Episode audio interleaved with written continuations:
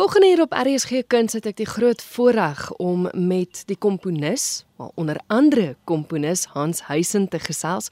Ek sê nou onder andere komponis want jy is ook 'n cellist wat spesialiseer in barokmusiek. Jy is ook 'n dosent.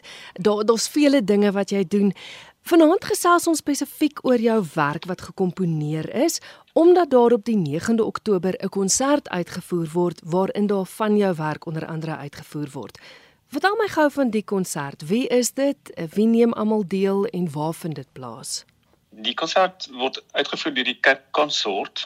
Dit is ons vroue musiekensemble. Um en dit is ook nou die eerste konsert in in meer as 2 jaar omdat ons as gevolg van die COVID inperkings heeltemal ons eh, konsertaktiwiteite aktiwiteite moes ophou. So na meer as 2 jaar is ons uiteindelik weer gereed om om uit op te tree. Ons het 'n bietjie ons identiteit en ons ehm um, repertoire verander. Ek sê maar die Cape Consort 1 het gespesialiseer op vroeë barokmusiek met continuo en ons het gevoel ons gaan 'n bietjie aanbeweeg. So Cape Consort 2 is 'n um, groep nuwe sangers en die die fokus van die van ons repertoire in toekoms gaan waarskynlik wees uh romantiese musiek en kontemporêre musiek. En hierdie spesifieke konsert gaan gelei word deur Antoinette, my vrou, wat 'n uh, opgeleide koordirigent is. Sy het destyds by Koranken studeer. En natuurlik sy ook 'n sanger, maar hierdie in hierdie geval gaan sy net as dirigent optree. En dit is 'n lang droom van haar om met 'n klein professionele kamerkoor te werk. Met ander woorde, ons gaan 8 sangers hê. En die repertoire wat sy gekies is is ehm um, werk van Mendelssohn, Felix Mendelssohn, Josef Reinberger wat natuurlik by uitstek ehm um, koorkomponiste is wat op 'n baie geslaagde manier ehm um, vir vir die genre van a cappella koor geskryf het. En dan het sy vier van my koorstukke bygesit wat ek in die afgelope 40 jaar by geleentheid van ehm, 'n um, konfirmasie of 'n troue of 'n doop uh vir familielede geskryf het. Met ander woorde, dit is eintlik gebruiksmusiek of occasional music. Ja. Wat wat altyd vir 'n spesifieke doelwit of okasie geskryf is en wat wat wat dan ook eintlik vir leek musisië geskryf is. Nou dit, dit dit probeer nie by uitstek modern wees nie of of of nog minder avant-garde avant-gardisties. Ja. Ehm um, maar die primêre doel was altyd om om 'n funksie te dien en om die geleentheid wat wat homself gebied het te te, vier. En ek het toe nou ook met die met die lockdown 'n uh, bietjie tyd gehad om na my ou stukke te kyk. En ek was van tevore van mening dat dit eintlik maar nie bereikbaar is en nie eintlik geskik is vir die publiek nie. Maar ek het toe gevind daar's 'n paar van die stukke wat wat um, met 'n bietjie um, hersiening en verbeterings ehm um, dalk kan werk. En ek het toe die rol van komposisieleermeester van 'n jong student wat ek 40 jaar gelede was, oorgeneem. So ja. met ander woorde myself, my my as 'n leermeester na my eie vroeë werke gekyk en en en van hulle werk dan natuurlik nie dit ek uitgegooi, maar daar's nou so 'n paar wat 'n stuk of 12 wat wat oorgebly het. En ehm um, vier van hulle word dan nou uitgevoer. En met mense kan eintlik sê dit is dan eerste uitvoerings want hulle is nooit regtig goed uitgevoer nie of nooit regtig gerepeteer nie. Dit was maar dan altyd 'n hulle kraak koortjie wat hulle daar gedoen het. Dis ja. nie dis nie by die doop of wat ook al. En en nou dink ek het hulle 'n bietjie meer van 'n van 'n statuur en is ek eintlik baie bly dat ehm um, dat hulle 'n tweede lewe gaan kry. Ons het natuurlik 'n baie baie professionele groep Tony, dis my vrou Antoinette het 'n het 'n groep bymekaar gestel, baie sorgsaam gekies. Ek kan gou vir die name noem as jy wil. Asseblief. Ehm um, die soprane is Jody Khan en Marina Pinaar. Uh die alte is Daniel Speckman en Basti Zeeman Knussen. Uh die tenore is Liva Alexander en John uh, Jason Atherton, jammer. En die basse is Keaton Manwaring en Johan Swanepoel. So dis almal sangers wat al musisië wat wat opgeleide sangers is, maar wat ook 'n goeie aanvulling het vir ensemble sang. So dis nie net soliste nie, maar kan ook in 'n 'n groep werk. Nou ons soos ek verstaan die die konsert vir die 9de dis hoofsaaklik a cappella, maar daar is tog een werk van Mendelssohn dink ek wat uitgevoer word met 'n orgel, né? Ja, ehm um, om nou die die a cappella uh, tekstuur so 'n bietjie te deurbreek het ehm um, gaan Johan Swanepoel wat ook 'n orgelis is, uitstekende speler, gaan die derde orgelsonate van van Felix Mendelssohn uitvoer. Ehm um, daar's 'n groot orgel in St. Martini wat ook eintlik nooit gebruik word nie. En hy is nou onlangs het hy 'n bietjie herstelwerk ondergaan en hy is weer gestem. So ek ehm um, sien eintlik ook baie uit daarna om die instrumente bietjie meer te gebruik en met 'n met 'n met 'n goeie orgelis aan boord het ons gedink dit sal 'n goeie geleentheid wees om om dit ook op die program te sit. Jy praat nou van St Martini, die kerk waar die konsert plaasvind. Het ek reg gelees dat die koor van St Martini, waarvan jy die dirigent is, ook deel is van die konsert? Ja, ehm um, toe ons 4 dae gelede Kaap toe gekom het, het ehm um, St Martini toevallig 'n koorleier nodig gehad, 'n nuwe koorleier vir hulle koor. En ek het dit toe aanvaar. Maar dit is natuurlik heeltemal 'n 'n 'n koor wat wat leuke bestaan. Dit is ehm um, ook al ouere gesangers. So dit is glad nie 'n konsertkoor nie, maar ek hmm. moet sê dit is 'n dit is 'n baie 'n eh, vriendelike en en baie menslike vervullende rol om met hierdie hierdie hierdie koor te werk.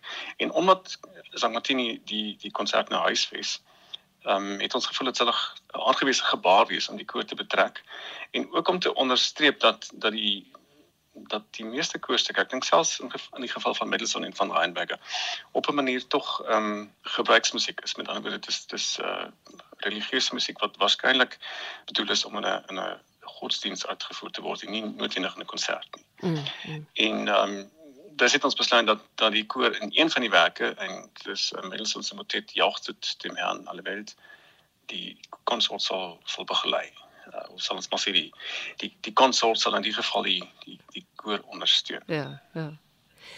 Dis nou interessant wat jy gesê het van vier van jou werke wat wat uitgevoer word wat jy wat jy geskryf het vir spesifieke geleenthede. Ek wonder altyd, ek is so geïnteresseerd in hoe 'n komponis se kop werk. Want uh, jy jy gaan met die musiek in jou kop om en dan word dit uitgevoer. En is interessant wat jy nou sê, jare later het jy nou weer na die goed gekyk en jy het besef, mm, okay, dit kan hier en daar bietjie verander word. Hoe dit gebeur dat jy iets komponeer, jy hoor dit en dan dink jy, "Oh, dit werk of dit werk nie of werk dit altyd eensklaps?" Ehm um, ja, dit is 'n dis 'n groot onderwerp wat jy nou aanraak. Ek dink ehm um, elke komponis moet dit vir homself beantwoord. Ehm um, daar is ook nie 'n resep nie, dit is ook elke keer weer verskillend. Mm. Maar ek kan miskien noem in hierdie geval die die toonsetting van van gewyde tekste is iets wat ek heel eers gedoen het. En dit het miskien met my ehm um, my agtergrond ehm um, te doen.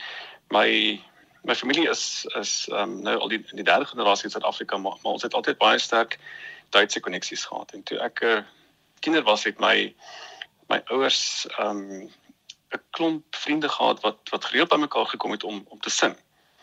En ehm um, my oom dis nou professor Klaas van Delft in Bloemfontein het toe ehm uh, met 'n jaarlikse Schutzweek inisiatief begin. Wat beteken dit hulle hulle het 'n Duitse koorleier vir 'n week iewers in die winter uitgenooi wat Suid-Afrika toe gekom het en toe met 'n klomp leuke gewyde Duitse kerkmusiek gesing het. En dit was baie bepalend vir my vir my musikale opbrengs. Hmm. En ek het toe as 'n tiener begin om om tekste te toonset op autodidaktiese manier. Dit altyd as 'n privaat ding beskou wat nou nie eintlik vir die vir die publiek bedoel was nie. En toe ek later kom komposisie studeer het, het hierdie het hierdie tonale werke natuurlik nou eintlik ehm um, nie gekwalifiseer vir my portfolio nie want die uitdaging as 'n as 'n professionele komponis is nou maar om hierdie moderne idiom idiomatiek van van nuwe musiek um, jouself te bewys of jou eie taal of jou eie idiom te vind.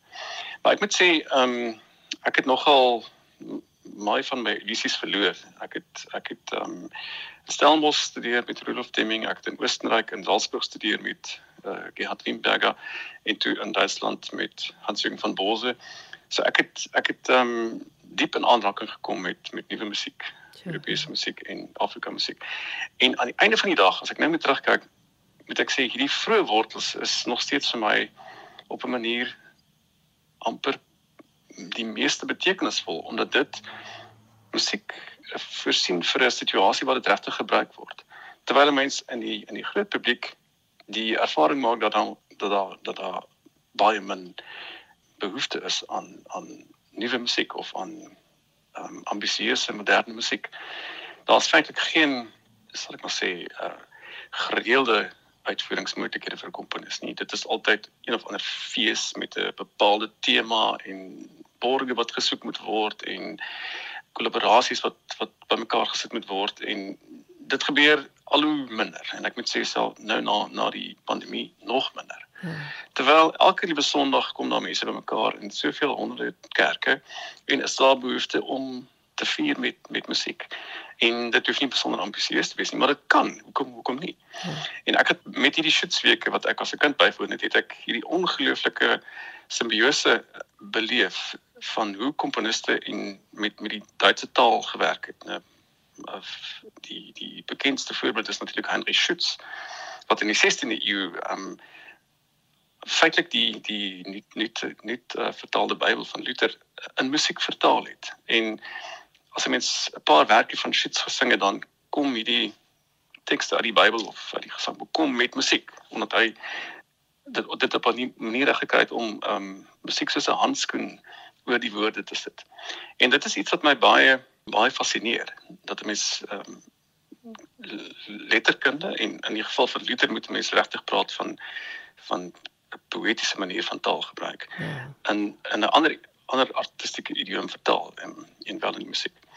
Met ander daar's 'n daar's altyd 'n retoriese uitdaging om om iets met die teks te doen wat dit lewendiger maak of wat dit wat dit op 'n manier uh interpreteer amper en natuurlik verkondig met ander woorde die om nou uiteindelik by jou vraag uit te kom die uh inisiatief vir die stukke was iemand het 'n doopspreuk gekies of 'n trouspreuk en ek het gedink wel hoe sal dit klink as mens dit toonset en die by uitstek die die uitdaging was om dit maklik genoeg te maak sodat dit vinnig deur 'n paar leuke uitgevoer kan word um en sy funksie vervul in 'n spesifieke moment. Ehm um, nou met die met die hersienings het ek het ek 'n bietjie die stukke ehm um, soms het soms 'n bietjie meer moeilik geraak omdat ek gedink het wel as dit nou dit het nou uit sy oorspronklike moment uitgegroei en dit dit kan dalk deur 'n professionele ensemble uitgevoer word. Met met, met ander woorde dit hoef nie heeltemal net maklik te wees. Dit moet veral musikaal sin maak. Ja. maar die die impuls is nog steeds dieselfde. Ek probeer om 'n teks um, te verstaan en en aan dit 'n bepaalde musikale gestalte te gee wat baie na aan die aan die aan die teks is. So al die werk wat ons wat ons gaan uitvoer is in Duits. Ehm um, sowel Felix Mendelssohn as ook Kranberger as ook my stukke. Loop jy heeltyd met musiek in jou kop rond? Nogal, ja. Dit is soms 'n bietjie van 'n ehm um, van 'n marteling ook as 'n mens aan iets werk en jy daai uh oorwurm soos ons nou sê, ja. oorwurm in jou kop wat die hele tyd maal en maal en maar aan die ander kant is dan ook die, dit is die die rede hoekom jy van die ding ontslae moet raak met ander woorde jy moet dit prosesseer totdat dit sy gestalte gevind het waarmee jy tevrede is en dan kan jy dit neerpen en dan is dit is dit goed.